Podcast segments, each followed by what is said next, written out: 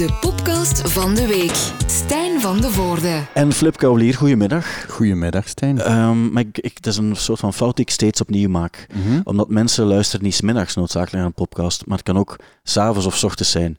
Dus ik ga opnieuw beginnen en zeggen, dag Flip Kaulier. Dag, Stijn. Maar ik onmiddellijk iets laten horen. Ja. Wu-Tang Clan ain't nothing to fuck with.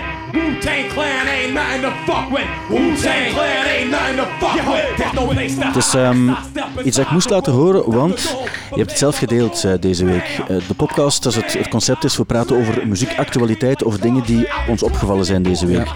En ik zei dat je iets mooi had gedeeld, want denk voor 40 jaar AB, of hoeveel Ja. jaar, eh, aan 40 jaar AB, heb jij verteld over die keer dat je in de AB stond en de tranen in je ogen kreeg tijdens een concert. Ja, dat klopt. En dat was tijdens de Wu-Tang Clan.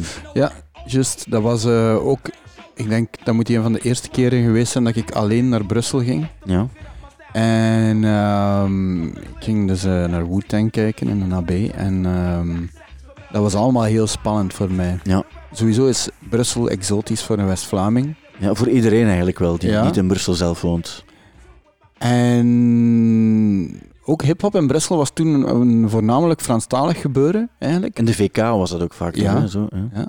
Dus ik ging daar naartoe, maar ja, helemaal alleen. En, en heel die Brusselse scene was daar aanwezig. En dat waren allemaal heel, heel stoere man. Ja. En eh, Wu-Tang kwam op en, en ik was gewoon eh, ja, ontroerd. Ja. Ik vond dat zo goed.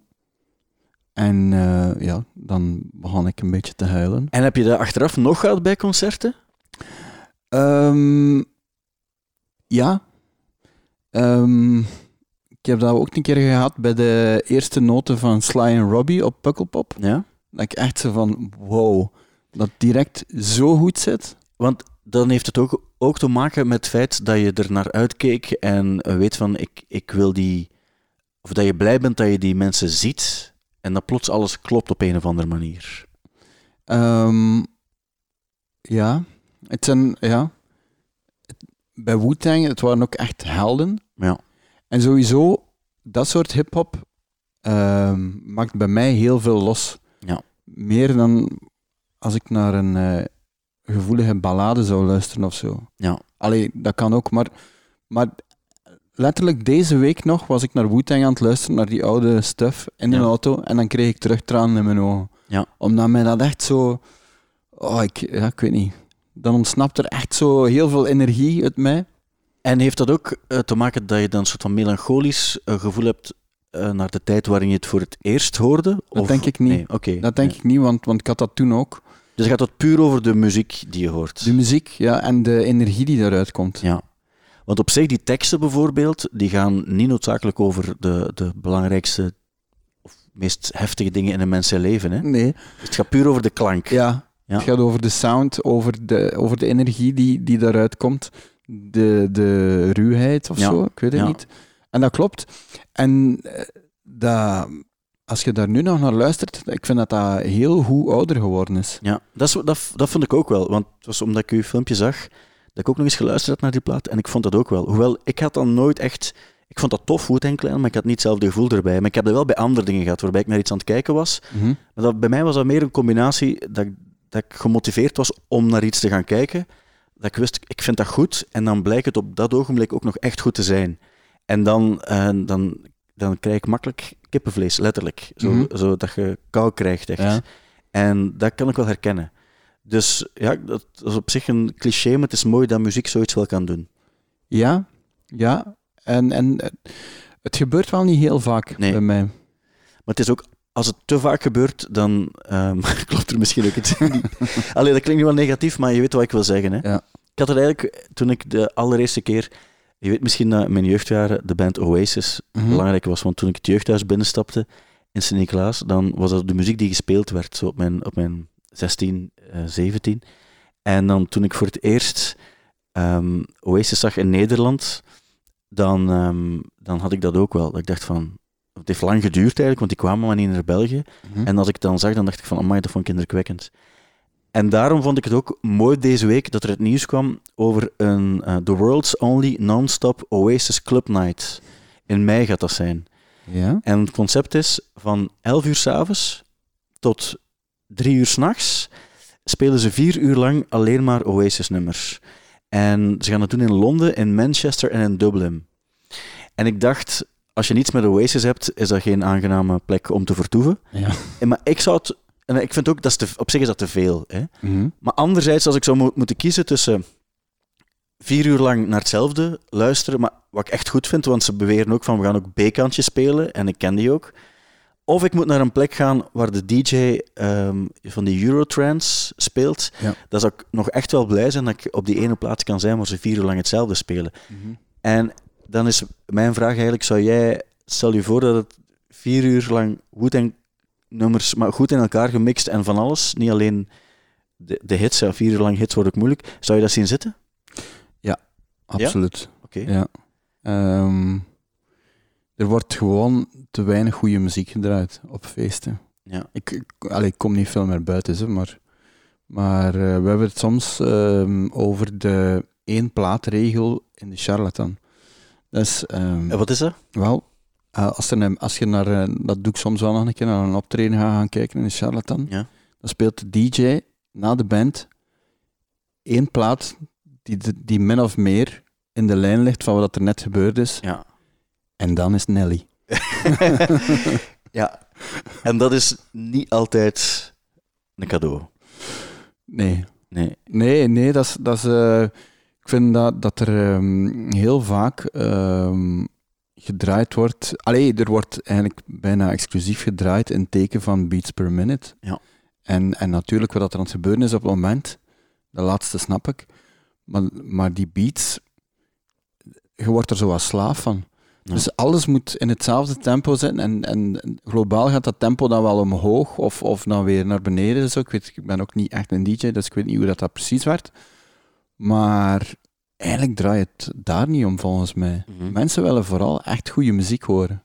En dan moet het niet altijd perfect in elkaar gemixt. Ik weet nog dat je ooit gedraaid hebt in de Charlatan en je had toen van die eh, kleine singles bij, 7-inch singles. Ja, En dat was ook wel plezant, omdat je gewoon het ene jaren 80 hitje na het andere Mhm. speelde. Mhm. Maar je kan dat ook met, andere, met muziek van nu doen. ja zeker. Dat wil je eigenlijk zeggen, hè? Dat Ja. niet, niet, niet de perfecte mix stelt, maar de, de samenstelling van de, de platenkeuze, de Voilà. set. Ja, en, en dat is ook zo een, een gevolg natuurlijk van als je een hele avond Oasis gaat draaien, dan, dan kun je ook niet beats per minute eh, in Nee. elkaar gaan mixen. Alleen je zou dat wel kunnen, maar dat wordt bij, bij rockmuziek eigenlijk niet echt gedaan. Hè. Nee. Maar eigenlijk is het concept hier in dit geval dat je allemaal gelijkgestemden die dat grappig vinden, want het is meer een, een gadget. Eh, het, is, het is een soort van bijna performance art wat je gaat doen. Mhm. En je brengt allemaal mensen samen die dat grappig vinden om er te zijn, maar het ook wel appreciëren dat al die nummers eens passeren. Ja. En dat snap ik ook wel. ja, ik denk dat voor een heel aantal mensen ook wel de grap voorbij gaat hoor.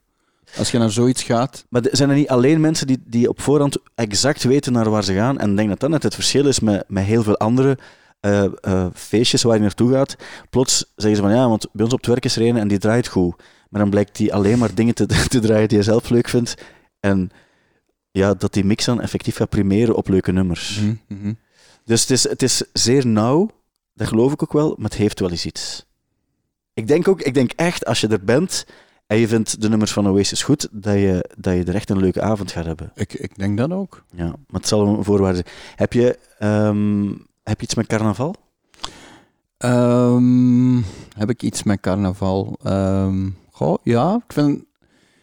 Ik ga er wel niet naartoe, Nee. maar ik vind het wel een leuk gegeven. Kan je die muziek aan? Ja, Ja. Want die hebben heel vaak covers, maar dan zo... En nu gaat het vooral over, over Aalscarnaval, uiteraard. Die, die Aalscarnaval covers, die... ehm, ze zeggen altijd, ja, maar dat is best nog goed gemaakt en die teksten nog wel goed gemaakt. Daar kun je nog wel over discussiëren natuurlijk, maar het soort gegeven van lachen met de actualiteit in de vorm van ombuigen van actuele hits tot een lokaal festijn, dat snap je wel. Ja, absoluut. Ja. Ik hoop dat er wat voorbeelden komen. Komen er wat Nee, ik heb, ik voorbeelden? heb geen Ah. voorbeelden. Ik heb geen voorbeelden voorzien. Mm. Ja, want ik, heb, ik heb zo Radio Ion bijvoorbeeld. Ja. En die hebben, ik heb er wel nog naar geluisterd ook. En die hebben dan wel zo nummers ook van Billie Eilish en zo. Dat soort nummers, die, het zijn echt het zijn heel recente Ja. nummers die dan... Mhm. Maar ik versta het ook niet altijd. Maar het moet misschien ook niet. Ehm, nu, dat denk ik... Ja, het is een insider, hè, waarschijnlijk. Heel dat gebeuren. Ja, wat denk ik het ook wel. Eh. be- begrijp je de, de controverse die er deze week ook was rond het hele Jodenparodie gegeven? Absoluut, ja. Absoluut, absoluut begrijp ik de controverse. En eh, ik heb eh, ehm, eigenlijk eh goede argumenten gehoord langs alle kanten in Ja. feite. Alhoewel dat ik echt wel van de mening ben van, doe het dan een keer niet. Zo moeilijk is dat nu toch niet van Ja. het te laten. Mhm. Ik bedoel, je hebt die één jaar gedaan, dat is niet in goede aarde gevallen. Laat het. hé? Dat is bij hen het concept toch ook. Het is net omdat er dan, omdat het niet in goede aarde viel en ze hebben daar, daarom kr- kritiek gegeven, dat is bij hen net de reden om het nog eens op te rakelen. Mocht vorig jaar niemand iets gezegd hebben, zouden ze het niet gedaan hebben. Ja, misschien. Ehm, ik vind dat we met, met z'n allen soms iets te politiek correct zijn, maar toch, ehm, ja, ik weet het niet. Als je, als je, als je nu. Allee, bedoel, ze gaan toch ook niet ehm, met een andere bevolkingsgroep beginnen lachen. Zo dat, dat, dat weten we ondertussen wel al een keer van. eh, we gaan niet gewoon met, met de Arabieren gaan lachen, bijvoorbeeld. Je- Dat, allee, dat Ja. gebeurt toch niet? Ja. En dan de Joden, ah ja, ja, jawel. Allee, we moeten dat precies nog leren. Van, Het is zo, de, de moeilijkheid is toch ook vaak de lange tenen. Hè? Van hoe ver... De eerste vraag is, is misschien ook, is het echt grappig? Of is het niet grappig? Dat is dan nog iets dat je zou kunnen zeggen, dat is persoonlijk. Mhm. Want grappig is het eigenlijk niet, als je iemand zo gaat voorstellen. Anderzijds denk ik ook, ja, maar nu ga je dan gevoeligheden, of wel rekening houden met de lange tenen van een volk dat ook dingen doet die, of die houden geen rekening met VN-resoluties en Ah, dat soort afspraken. Ik had, eh, ik had En- van u ook Ja, een eh, maar nee, ik, reactie ik, gezien. ik, zal u, ik, ik hoorde op Radio 1 iets en ik dacht, ik ben ooit met Otto Jan voor Studio Brussel in zo'n Palestijns vluchtelingenkamp geweest. Mhm. En ik, toen ik naar daar ging, dacht ik, ja, maar waarschijnlijk zijn die verhoudingen wel vrij correct. Je hebt aan beide kanten dingen die verkeerd gegaan worden. En als je daar dan bent en je hoort dan dingen, ook van onafhankelijke instanties, zoals Oxfam en zo, en die zeggen, ja, maar wacht, het, het geweld dat daar gebruikt wordt, dat is echt totaal buitensporig. En die mannen houden zich totaal niet aan, aan internationale regels en, en afspraken. Dan denk ik van, ja, als je daaraan geweest bent, dan denk ik wel... Pas op, ik vind het niet nodig om, om zo gratuit met, met, met dat soort dingen te lachen. Maar dan denk ik van, waarom ga je dan plots nu enorm rekening houden met gevoeligheden van mensen die zelf totaal geen rekening houden met mensenrechten en, enzovoort. Dat vind ik een moeilijke daaraan. Ik snap dat.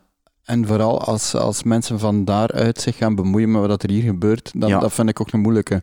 Langs de andere kant, de, de Joden die hier in Vlaanderen wonen, dat die zeggen van, kom aan gasten. Allee, Maar dat, is, dat vind ik ook nog iets Ja. anders. Want ik snap, wat je nu zegt is, kom aan gasten. Daar heb ik ook wel van. Moet Ja. het echt? Ja. Maar ergens zo schrik hebben van internationale reacties, dat zou voor mij net een reden zijn om het net wel te gaan doen. Ja, ja, dat snap ik Dus ook. het is, ik vind het ook iets moeilijk, maar het is wel interessant om eens over na te denken. Zullen we doen. Zullen we doen, maar misschien niet nu. Eh, ik wil graag iets laten horen.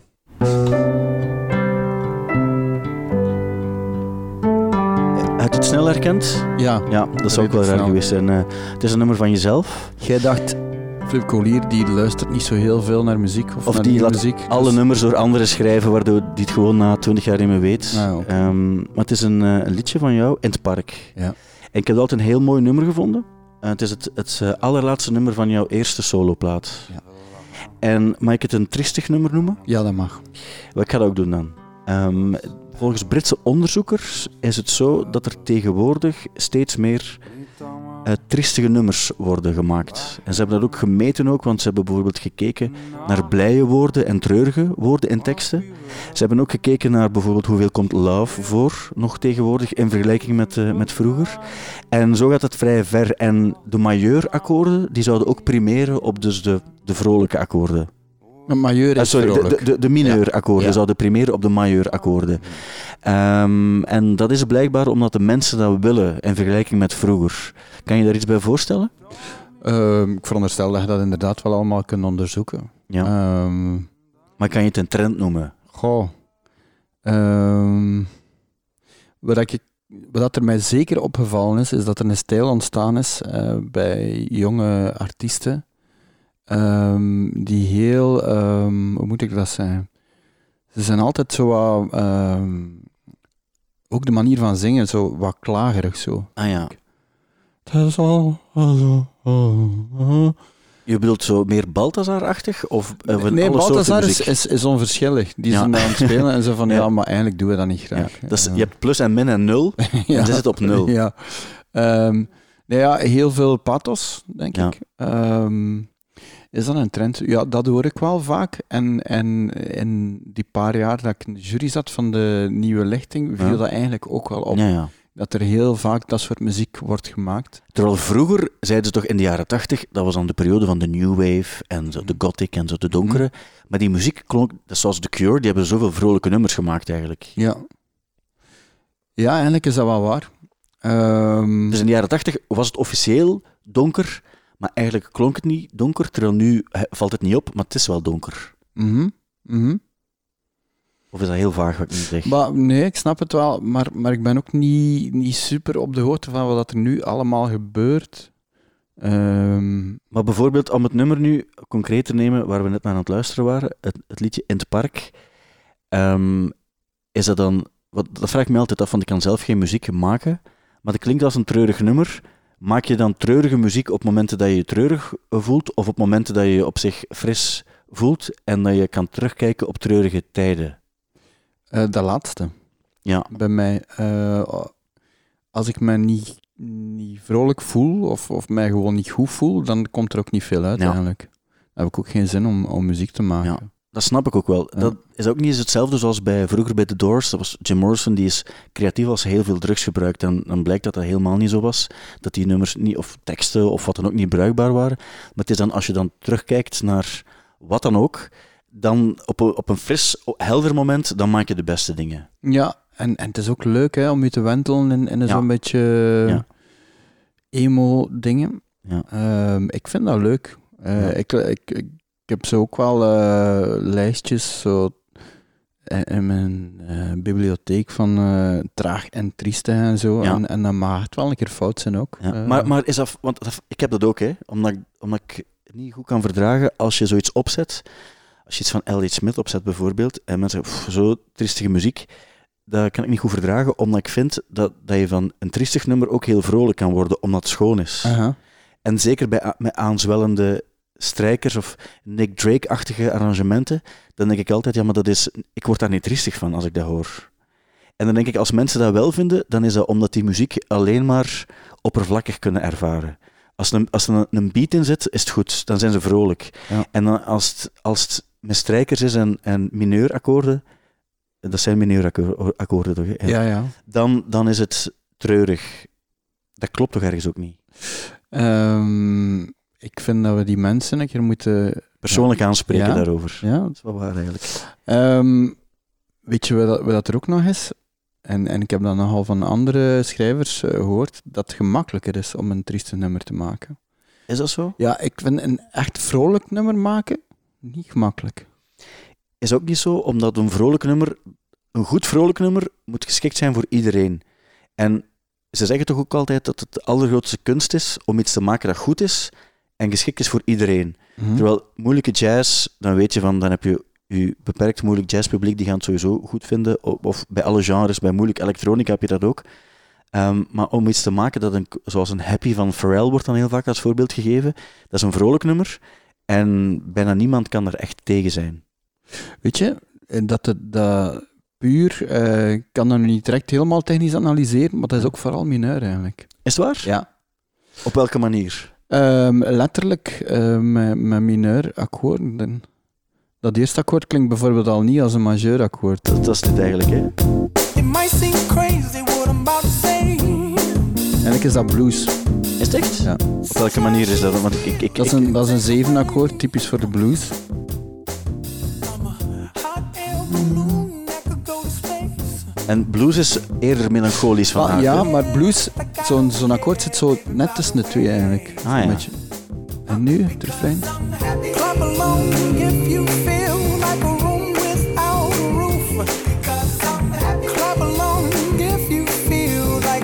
Dat is vooral mineur eigenlijk. Mineur? Ja. Maar dan door het tempo of zo en de, het, het hogere stemmetje. Hij, hij zingt natuurlijk ook wel happy. Ja. Wa- dat is Als je nu... Because I'm sad. Maar dat, dat, dat is ook de grap van, ehm, het, van het nummer van de police daar. Waarbij ze ook zei, want welk, wat is dit dan hier? Mineur of... Dit, dit is een vrij uptempo nummer. Ja. Ehm, maar blijkbaar als dit omgezet zou worden naar iets meer mineur en trager, dan zou je doorhebben dat er een soort van... Er stond ook in het artikel, was het voorbeeld dat erin stond, dat, dat je dan doorhebt van, maar wacht, dat is eigenlijk een creepy nummer over een stalker. Ja, I've been watching you. ja. En dat is echt zo, every breath you take, alles wat je doet, ik ga het volgen. Dat is eigenlijk een, heel creepy nummer, maar door de vibe van het nummer en het tempo misschien ook, Ja, geeft het toch een vrolijk gevoel dat je mee zou zingen of dansen. ja. En qua akkoorden is dat, zit dat zo'n beetje in de, wat er vroeger allemaal eh, onder de doo-wop eh, Ah ja, dingen... ja. O'Donna en, en al die dingen zo. Ja, Dus dat is op zich wel wat triestig. ja. Het is, het is gewoon niet zo simpel als, als zeggen van ik pak een majeur akkoord en dan is mijn nummer vrolijk of zo. Of, of het is een mineur akkoord en dan gaat de Ja, C een triestig nummer in. nee. Ehm, er is meer dan dat. Ja dat, dat, is absoluut waar. Er is meer dan dat. En er zijn een aantal mensen die net zich op die akkoorden gestort hebben. Ik weet niet of je dat gehoord hebt, maar ze hebben twee muzikanten en die hebben ehm, ongeveer alle mogelijke melodieën die bestaan in één nummer vastgelegd. Eigenlijk op een, op een, een heel lang nummer dan ook wel. En een soort van computerprogramma hebben ze daarvoor geschreven. Om op die manier alle. Ehm, en dan hebben ze ook blijkbaar een, een, een patent of zo daarop gevraagd. Dat hebben ze het vastgelegd bij iets Sabam-achtig wereldwijd. om te voorkomen dat er zoveel nummers aangeklaagd worden voor, ehm, voor copyright. eh, dus voor, voor, voor plagiaat eigenlijk.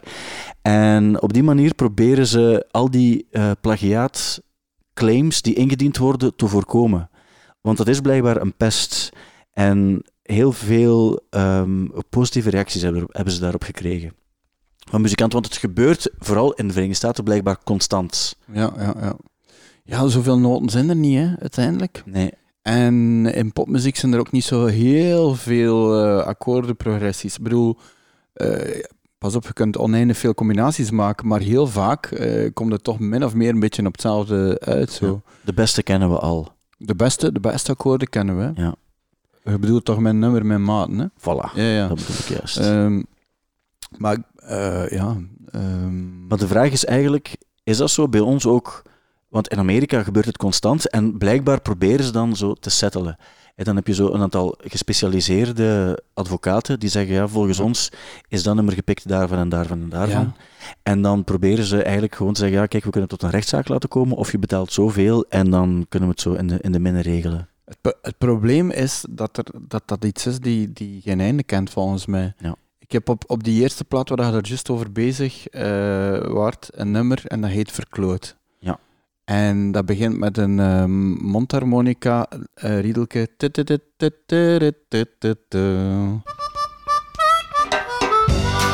Oké. Ja, Oké. Dus tot daar, het voorbeeld Ja. is al goed. Eh, een paar jaar geleden had uh, Elmo Freebie een nummer. ja. Ehm, weet niet juist hoe dat een titel is, maar het was een singeltje. And I fell in love with you. And I fell in love with you. voilà. ja, ja, Dus dat is een beetje hetzelfde. ja. Nu, onlangs was er een reclame. En maar heb je, wa- want je kent hem natuurlijk. Ja, ja, ja. En heb je, heb je het er met hem over gehad? Misschien wel, ja. Misschien Ja. heb ik er wel een keer iets over gestuurd. En, en, en was dat een soort van eerbetoon? Of er wordt iets mee gelachen dan? Totaal niet. Nee. Allee, of, of wie weet, misschien wel, maar dan heeft hij dat toch niet zo gezegd. Ik, maar ik denk gewoon van niet. Maar En onbewust ik denk ook misschien. niet, ja, dat kan onbewust zijn. Of als je voor het jaar 2001 zou gaan zoeken, had je misschien ook wel een artiest vinden die dat al een keer gedaan heeft. Ja. Nu is er, nu is er een reclame op de radio over ehm, Slim naar Antwerpen. Ja, Dat is ook die melodie. is het echt? Ja. Maar bij, bij reclame gebeurt het soms heel bewust, hè? Ja. waarbij ze echt zo één noot veranderen om dan legaal niet in de problemen te komen. en en dat, vind ik, dat vind ik al moeilijker. Ja, Daar heb ik al meer problemen mee, omdat dat vaak wel zijn van ze hebben nu gecontacteerd, je hebt te veel gevraagd en dan doen ze het toch maar. ja. ja. Ehm, Maar ik vraag me af, als je bijvoorbeeld zou zeggen tegen, tegen Tom, tegen Admiral Freebie, van kijk, ik ga u nu een rechtszaak aansmeren, zou je die dan kunnen winnen?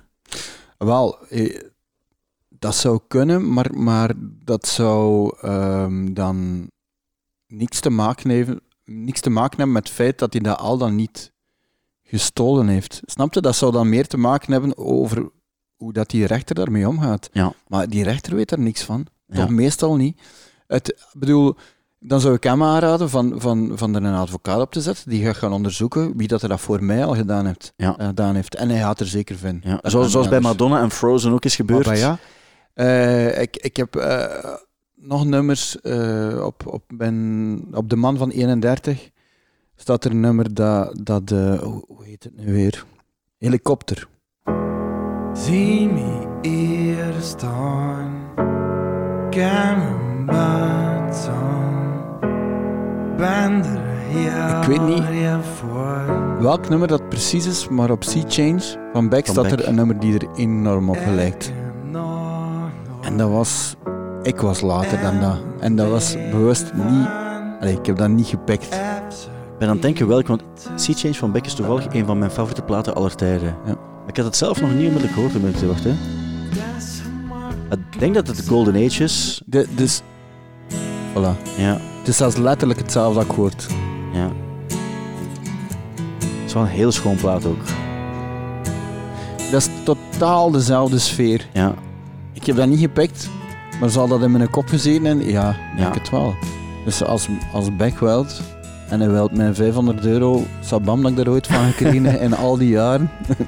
Maar het is wel zo dat, ehm, en dat vind ik ook wel interessant, is als er artiesten zijn die zeggen van, ja, tuurlijk, in dit geval weet ik dat ze het gepikt hebben van mij, of hebben ze het half toegegeven, Eh, zoals bijvoorbeeld The Strokes Last Night is ook Mhm. van Tom Petty gepikt, en Nirvana, die hebben Come As You Are ook van, van A Killing Joke gepikt, en die hebben het ook toegegeven achteraf. En dan heb je wel de, de bands die het als een eerbetoon zien en die er eens mee lachen ook. En Ja. die zeggen van, "D- er gaat niet van, financieel gaan we ook wel rondkomen zonder een, een rechtszaak. Ja, het is gewoon. Het zou, allee, als dat uit de hand zou lopen, zou het heel vervelend worden om muziek te maken. En zelfs, ik, ik heb een tijdje in het begin dat, ik- dat ik eh, solo eh, nummers schreef, heb ik een tijdje last gehad van een soort writersblok, omdat ik bij elk nummer wel kon verzinnen, verzinnen op, wat dat, op wat dat geleek. Ja. En je moet dat echt loslaten, of anders schrijf je geen enkel nummer meer. Dat kan ik me voorstellen, dat het ehm, ja, dat dat wel vrij vermoeiend is om zo te werken ook. Ja, ja, maar, maar ik doe dat niet meer. Ik, Ja. ik, ik laat het het meeste passeren. Als ik, allee, als, terwijl dat we aan, eh, aan dat nummer nu ehm, van op de man van 31 bezig waren geweest en iemand had gezegd, zeg maar, je zet dat nummer van Beck opnieuw aan dan had ik er niet mee verder gegaan. Ja, Maar ja, het feit dat het al gebeurd was, ja, dan denk ik iets van, oké, ja, ja, dan is het zo. hè. Er zijn heel veel artiesten die een eh, politiek statement innemen in de Verenigde Staten. Je hebt heel veel artiesten die kant kiezen voor een of andere politieke partij, of in dit Mhm. geval een figuur ook. Ehm, die gaan dan zeggen, wij gaan Bernie Sanders eh, steunen bijvoorbeeld, zoals heel veel artiesten Ja. ook doen. Ik vraag me af, hoe komt dat, dat dat zoiets in de Verenigde Staten gebeurt? Bij ons is niemand daarmee bezig en wil niemand zich daar misschien ook wel terecht aan, eh, aan verbranden. Waarom zou het daar wel gebeuren? Dat is een goede vraag. Ehm, ik denk gewoon, wij, wij zijn sowieso niet, niet gewoon om, pas op, dat is aan het veranderen, maar, maar om onze politieke overtuiging zomaar te gaan delen. Ja, omdat je ook weet, eens dat je ergens thuis hoort, in een bepaalde groep, mensen vergeten dat nooit en ze gaan jou daarop op blijven pakken, op een of andere manier zelfs. Ja, maar terwijl dat we nu echt wel een trend eh, hebben, ehm, zeker in Amerika door een Trump, maar hier in, in, eh, in Vlaanderen door extreem rechts ook, van, of gewoon rechts van, we zeggen, het, we zeggen de, de fout, fout mogelijke, eh, hoe zeg ik dat nu juist? De, de, de, meest, meest foute dingen. Ja. En dat werkt. Ja. Mensen zeggen niet eh, dood aan NVA of zo. Nee, mensen zeggen van yes. Ja. Dat is gezegd. En, als, en ze zeggen ook bewust fouten. En dan, als er te veel commentaar op komt, dan zeggen ze, ah ja, het is juist, het was verkeerd. Ja. Maar het is wel gezegd. Dus al, ik wil alleen maar zeggen van, mensen zijn wel iets duidelijker in hun voorkeur. Je ziet dat ook op Facebook en zo. Mensen komen er toch iets vlotter voor uit. Ja. Ehm, Maar je zou bijvoorbeeld in België, zoals Jack White bijvoorbeeld, die gaat spelen voor Bernie Sanders, of Mhm. de Strokes, die gaan dat ook doen. In België kunnen we ons toch niet voorstellen dat er één bepaalde artiest net voor de verkiezingen gaat zeggen, we gaan nu een concert spelen voor die politicus. Of politica. oh, eh, ja, Je hebt de 0110 Ah, voilà, gehad. Dat is een, een waarbij het vooral ook... Dat was een concert voor verdraagzaamheid, hè. Ja. Dat was officieel, Ja. de officiële uitleg ook. Ja. Maar dat, dat is eigenlijk iets heel gevoelig toch bij ons. ja, het is wel waar. Ja. En Dat, dat heeft ook te maken met ons karakter, denk ik. Ja, het, het, We gaan niet snel over ons loon praten ook, Nee. zo, dat soort dingen. Ja, dat, dat, dat is vrij persoonlijk. Ja. Ehm, op dit moment ehm, ben ik zodanig teleurgesteld in gelijk welke partij dat ik, dat ik gewoon begin na te denken over eh, we zouden echt een heel ander systeem moeten hebben. Want Ja. dit is echt belachelijk. Ben je, daar, ben je daar op zich vaak mee bezig? Ik bedoel, nee. Nee, maar... maar eh, Af en toe. Ja, en, en misschien ook door eh, nu bij de ideale wereld eh, te zitten en, en er twee keer per week mee geconfronteerd worden, dat we weer een stap verder staan, eh, verder weg van een oplossing meestal. En dat is eigenlijk echt ongelooflijk. Het lef, het, de totale minachting voor, voor het volk, het is, dat is onvoorstelbaar. Het valt me ook altijd op, want ik was er ook een paar keer als er een politicus bij de ideale wereld eh, opdook, dat die mannen dat, dat die bijna op voorhand helemaal gebriefd zijn op, op wat er kan komen en wat ze kunnen zeggen en waar ze voor, klaar voor moeten zijn. En Mhm. dat worden bijna machines ook. Hè. Ja. Dat is een beetje overdreven misschien, maar die, die, die zijn er echt in getraind om ook van onderwerp te veranderen en om het toch een, een positieve draai te geven of om te weten, hier moet ik stoppen. En dan iets vaag antwoorden, dat is echt een, eh, een vak apart ook wel. Absoluut. Het wordt gewoon heel moeilijk om te geloven dat die mensen het beste voor hebben. Ja. Voor gelijk wie dat, dat met welk, welke overtuiging dan ook voor hen gekozen heeft. Je kunt dat eigenlijk niet meer serieus pakken. Ja. Echt niet. Nee, dat, is, dat is, dat is ehm, een soort van cliché die soms wel heel waar Ja. lijkt te zijn. En, Ja. en vroeger was ik er schuw van, van, van, van dat soort clichés en ook van, van eh, complottheorieën en al. En terwijl ik meestal vandaag denk, als ik zoiets hoor, van het is waarschijnlijk waar. Dat is niet goed, dat is niet goed eigenlijk. Hè? Want op een duur ga je ook heel rare dingen serieus nemen. Ja, Allee, ja, ik verlang al. James Hetfield die heeft een aantal concerten geannuleerd omdat hij eh, net op, in die weekends, dus dat zijn concerten voor de nabije toekomst, maar net in die weekends moet hij belangrijke stappen ondernemen in zijn rehab-programma. En dat probeerde ik te begrijpen, maar ik vond het moeilijk om, om dat juist in te schatten, hoe dat juist zou werken. Eh, concerten annuleren, het is nooit leuk natuurlijk. Nee. Maar hier in dit geval, ja, ze, ze nemen het wel altijd heel serieus, de mannen van Metallica. Eh, heb je Some Kind of Monster gezien? Ehm, niet helemaal. Ehm, Ja. Dat staat nog altijd op mijn lijstje, omdat, omdat ik keer, eh, ben er eigenlijk nog niet zo heel lang geleden een keer aan begonnen. Ja. Maar ik ken de verhalen, ik ken ook de, de, de fragmenten, eh, de, de belangrijkste fragmenten. Ja, die nemen dat heel serieus. Ik vind dat deel dubbel, want ergens denk ik van dat is mooi ook wel, dat je zegt van we gaan proberen om er als band door te geraken en we willen die plaat maken en we, we laten er iemand bij komen, een psycholoog, die dan ons helpt om beter over gevoelens te praten ook en zo. Maar soms denk ik van nu gaan ze het misschien zichzelf eh, te moeilijk maken door alles te overdenken. Ja, Ik ben geen kenner natuurlijk, ik weet niet of dat werkt allemaal bij die mannen. maar- ja, jong, ja, ik weet het ook niet. Ehm, Heb, heb, heb je trouwens ook gezien, dat, dus, dus hij, hij is, zit in rehab, wat Ja. eigenlijk goed is voor die mens.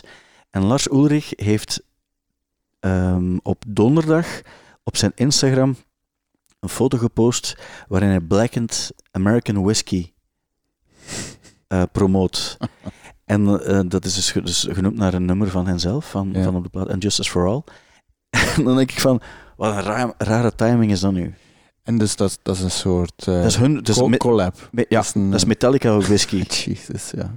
Ehm, Ja, dat, is de- te gek voor woorden. En, en ook het feit dat je, dat je, laat dat zeggen, binnen twee maanden of drie maanden, juist die zondag moet eh, een belangrijke stap zetten in je rehab. Ah, wel, dat vond ik ook Ik raar. geloof dat niet. Nee. Ik geloof dat niet. Ehm, allee, ja, het, het zou nu wel kunnen zijn dat je in een programma zit dat je heel serieus pakt en dat je dan bijvoorbeeld, ik zeg maar iets, op een honderdste dag zit of zo, op die Ja. dag. Maar dan nog eh, de redelijkheid eh, zou kunnen overheersen en zijn van, weet je, 100 of 101, dat gaat nu eigenlijk Ja. ook niet maken.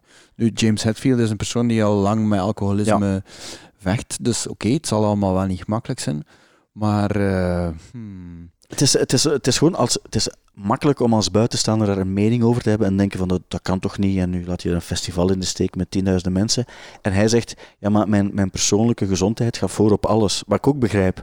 Dus het is moeilijk om daar een, een mening over te hebben die op iets slaat. Ja. Maar het is toch iets, het is toch iets als je het zo hoort, ehm, ik vind het zo wat half loes klinken. Anders zou zijn, moest hij, eh, eh, moest hij een concert eh, van, ehm, pak nu, we zijn op deze opnamedag vrijdag, Ja. moest hij een concert van nu zondag cancelen, Ja. omdat hij totaal aan het afkijken is, of omdat hij een fever heeft, omdat Ja. hij niet meer drinkt, of, of om... Corona. Of corona. Ja, corona is ook een hele goede reden, vind ik. Ehm, dan snap ik het dat je zegt, nee, ik moet rusten, Ja. of, of dat gaat gewoon niet gaan. Uiteraard. ja. Eh, het is gewoon omdat het op, op zo'n lange termijn voilà, is. Dat, dat- dat, je, dat je de week ervoor concerten speelt, dan niet. En dan weer, weer verder gaat. Voor, zwart, het is een heel, een heel moeilijke, maar daar gaat het over. Van hoe hard kunnen we die artiesten nog wel, nog wel geloven in sommige dingen die ze doen. En op dat gebied heb ik ook eh, iets gelezen, namelijk Justin Bieber heeft een droom waargemaakt door te gaan zingen op de Sunday Service van Kanye West. Ah. En dat was een droom van hem. En je ziet dan ook beelden van hem. Dus heb je het al gezien, die, die Sunday Service? Nee, heeft, heeft Kanye West een soort kerkdienst? Absoluut. En die, die vliegt daarmee rond. Dus op zondag eh, doet hij een soort van kerkdienst met zijn, met zijn gospelkoor er ook bij. Mhm. En hij doet zo preacher dingen ook. En af en toe heb je een gastzanger, in dit geval eh, Justin Bieber. En die, ehm, ja, die, gaat, die, kom, die kwam daar dan zingen. Op, op, want hij is zelf ook eh, religieus, eh, Justin Ja. Bieber. En dan denk ik van, ja, maar die Sunday service en al die andere dingen, die, die... Volg je hem nog? Kan je... Ehm, het, het laatste dat ik daarvan gezien heb was ehm, effectief dat hij in een vliegtuig zat met Ja. dat koor. Met die Met James Corden. Ja, eh, voilà. ja. En dat koor is indrukwekkend en heel die situatie is super grappig. Kanye is een idioot. Maar dat is zo'n vraag, want hij, hij zegt dan, of veel mensen zeggen, ja, ja, maar wel de- een idioot die de best verkopende art, of meest verdienende artiest is van het vorige jaar of zoiets. Maar dat geeft niet. Allee, ik bedoel, dat, dat maakt Ja. mij niet uit. Eh, ehm, ja, ik bedoel...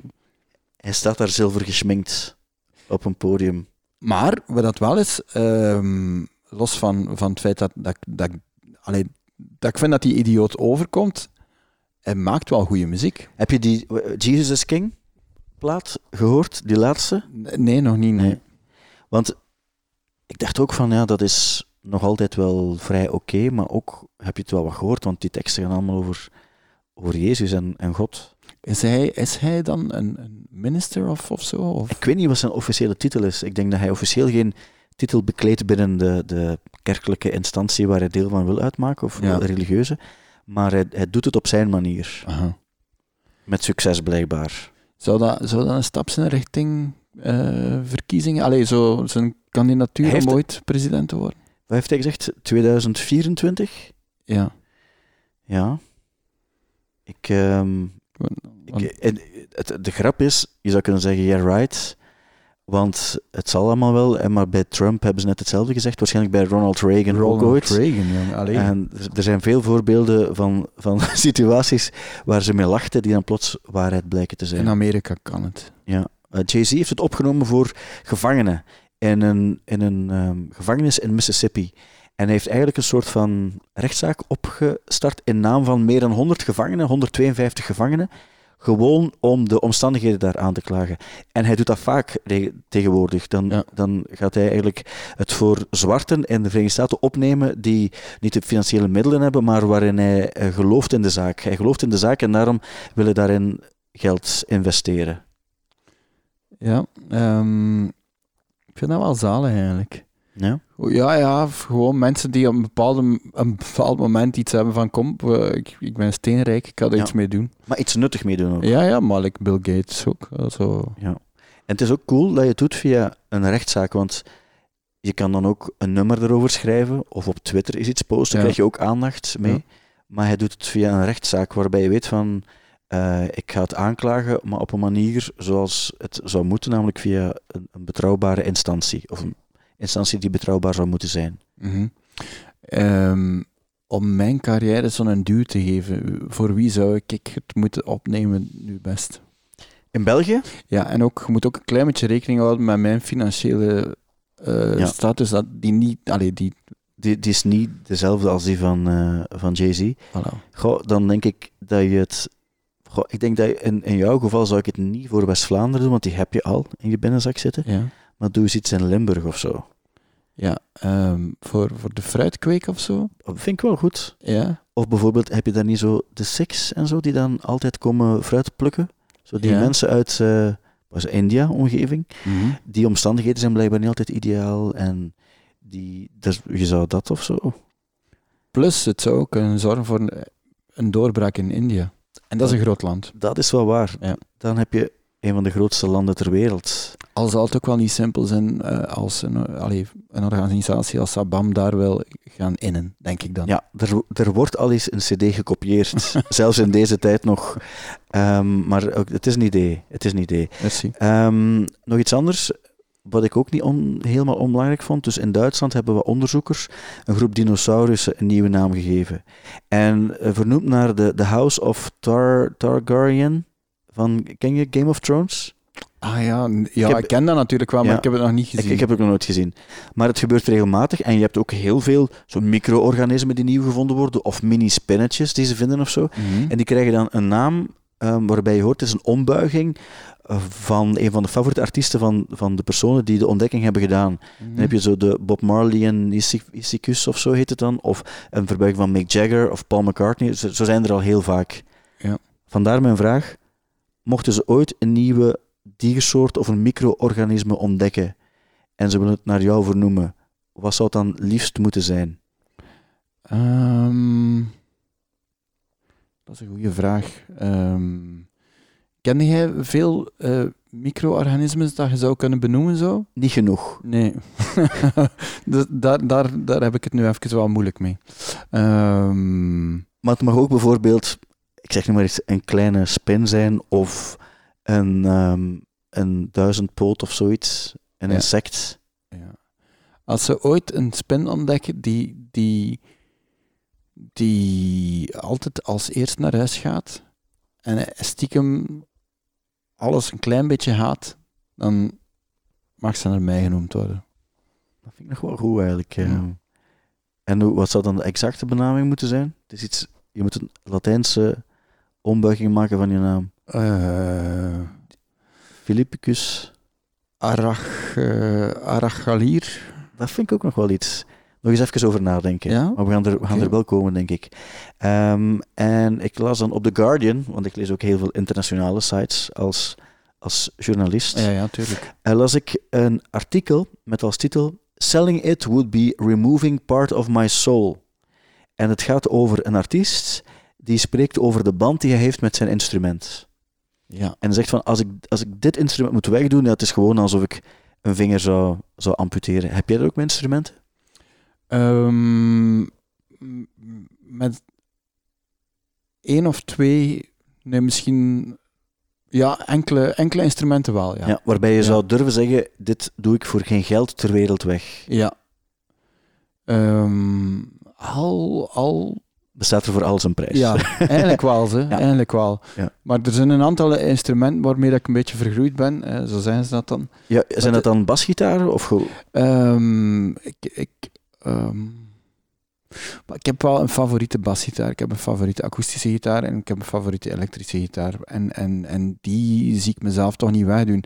Ehm, die akoestische gitaar bijvoorbeeld is een super goedkope. Ah ja, ja.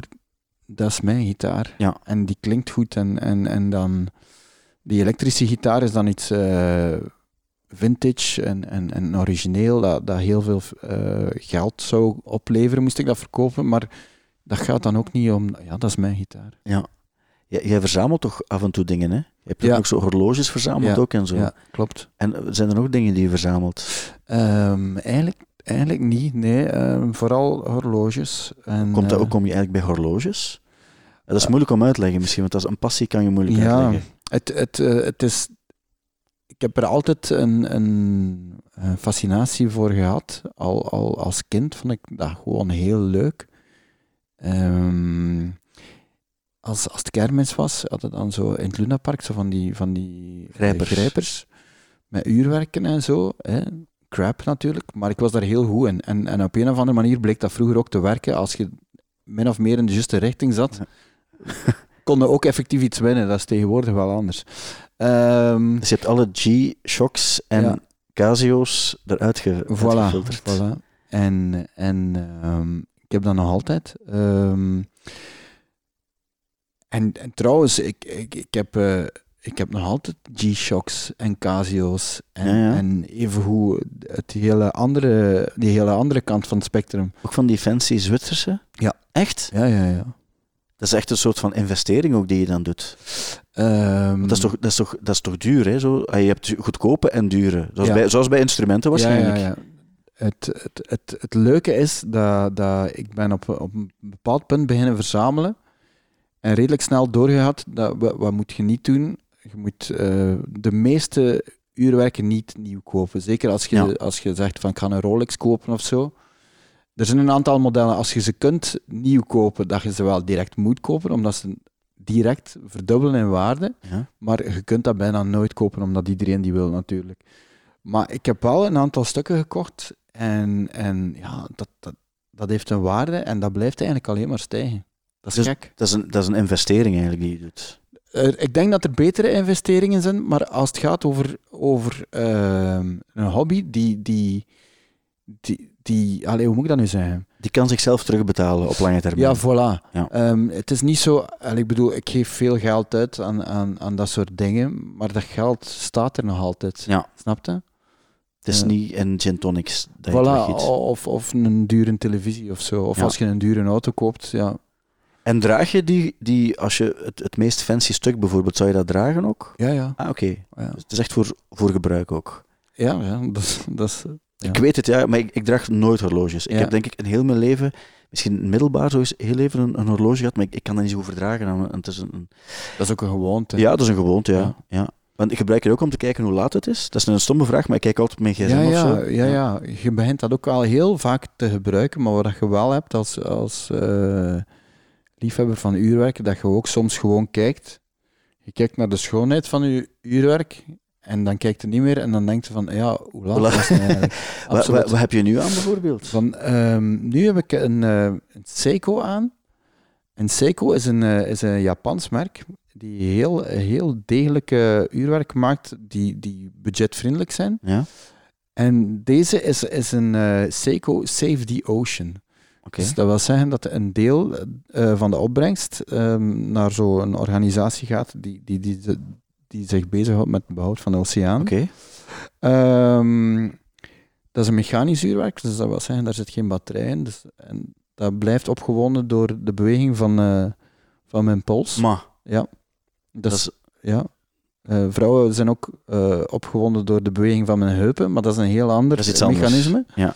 Eh, maar hier dus, en, en ja, ik weet niet, dat is een, een duikuurwerk. Je kunt er tot 200 meter eh, onder water mee dat vind gaan. ik altijd goed als dat erop staat ook. Want ik denk ook, het diepste dat ik ga is, als ik eens duik of zo, wat ik, ik kan eigenlijk niet eens goed. Als ik eens spring of zo, dan is dat misschien een meter en een half of zo, dat ik Ja. onder water ga. Dus ik denk ook voor de gemiddelde mensen, of ze zouden zeggen, het horloge gaat tot min 5, of gaat tot 5 meter onder, zee, onder zeeniveau, of 5000 meter, dat er ongeveer hetzelfde is. Dat eh, is effectief zo, maar als verzamelaar zijn ze daarmee bezig. Dus Dat mensen van, vind ja, ik zoek, ik zoek een nieuw uurwerk. Het nadeel is, het heeft maar 100 meter, je Ja. kunt er maar tot 100 meter diep mee gaan. Ja. Ja. en hoeveel, hoeveel horloges heb je ongeveer? Ruw geschat. Ehm, Gaat dat zo over tientallen? ja, maar, maar ook geen 100. Hè. Nee. Ehm, ik denk zo alles samen pakt een stuk of 30. Ah ja, oké, oké. waarvan pakt een, een, een stuk of acht heel serieuze stukken en Ja. de rest zo, ja. Zo, li- like dat hier en zo. Allee, eh, Gewoon je hebt plezante uurwerken en serieuze. ja, ja, Ja. ja. Ja. ja, ja. Absoluut. Dit, is, dit is in de plezante sector. Plezante sector. Zo, hè, met al zo, zo een fel kleurken en zo. Ja, het mocht iets, iets extra zijn. Ja. En denk je dan ook van, maar wacht, deze horloge kan ik beter combineren met die kledingstukken? Ehm, ja eigenlijk Ja? wel. Fantastisch eigenlijk. Ja. Ik heb er nooit zo over nagedacht. Ja. Maar het is goed dat het bestaat.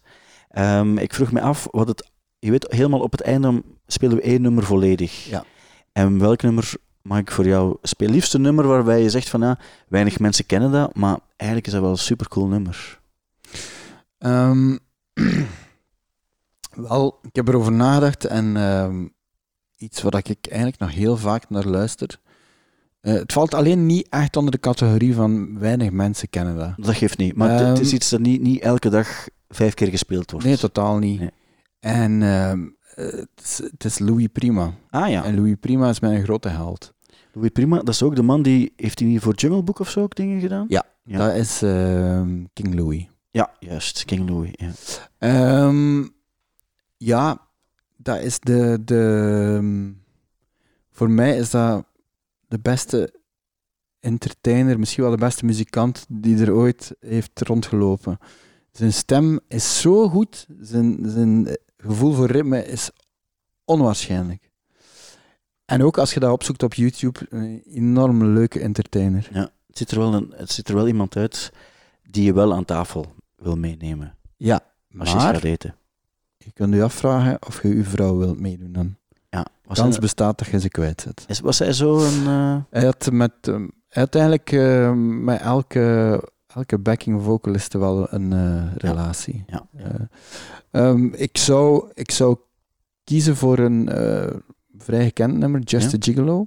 Ah, dat is een heel goed nummer. Dat, dat is ook, het begint vrij gewoon, maar dan breekt het zo wel los. Hè? Ja, Ja. en ook de, ehm, hoe, hoe alles zo op elkaar afgestemd is en hoe dat zijn stem ehm, afgewisseld wordt door de backing vocals. Ja. En, en hoe dat hij dan woorden voorzegt die ze nazeggen. En dat hij, zelfs, dat hij dan ook uit het ritme gaat. En ze zeggen daarna uit het ritme. En dat is een fantastisch spel. En, en dat, is ook, dat kun je ook vinden op YouTube, daar eh, live versies van.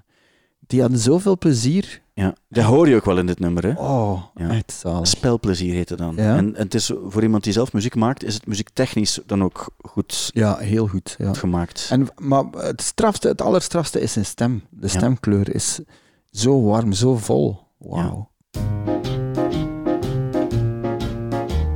and just a gigolo. And everywhere I go, people know the part I'm playing. Paid for every dance, selling its romance. Oh, they say. There will come a day, and youth will pass away. What will they say about me? When the end comes, I know they'll say just a gigolos. Life goes on without me. And just a gigolo everywhere I go. People know the part I'm playing. Paid for every dance, selling each romance. Oh, what they say. And there will come a day, and youth will pass away. What will they say about me? When the end comes, I know say just a gigolos. Life goes on without me, cause I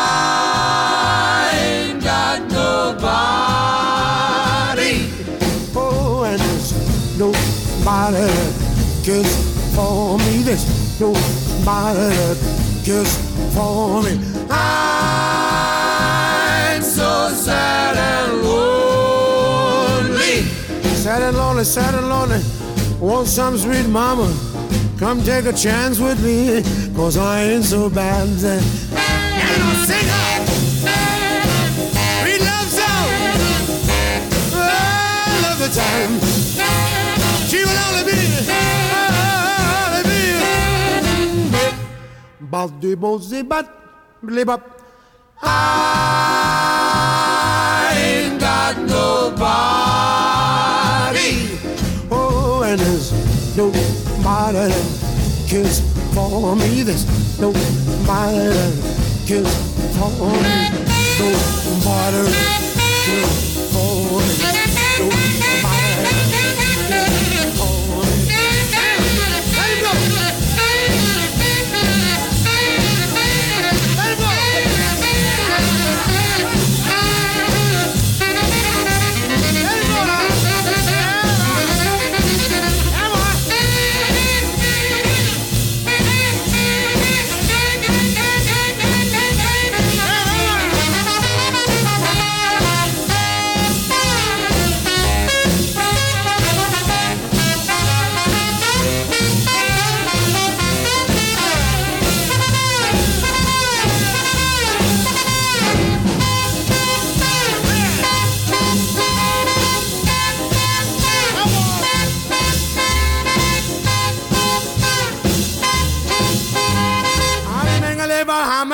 baby, belly. I ain't got nobody. Nobody, nobody kiss for me. This nobody kiss for me.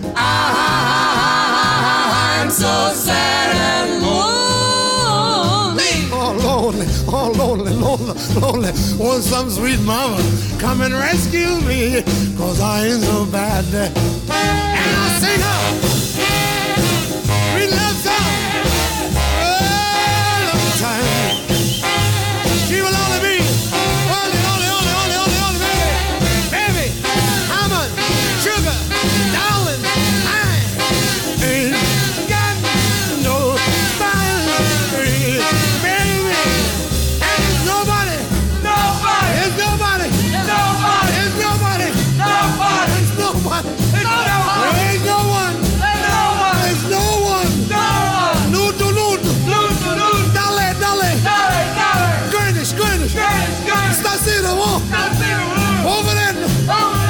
Je je het een klein beetje moeilijk, hè?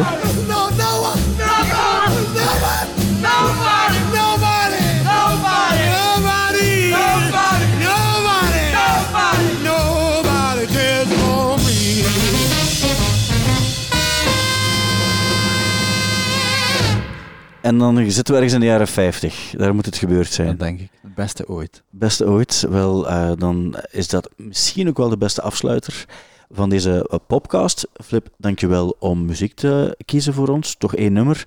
En om over de rest te praten. Graag gedaan. En heel graag tot de volgende keer. Zeker. De podcast van de week. Stijn van de Voorde.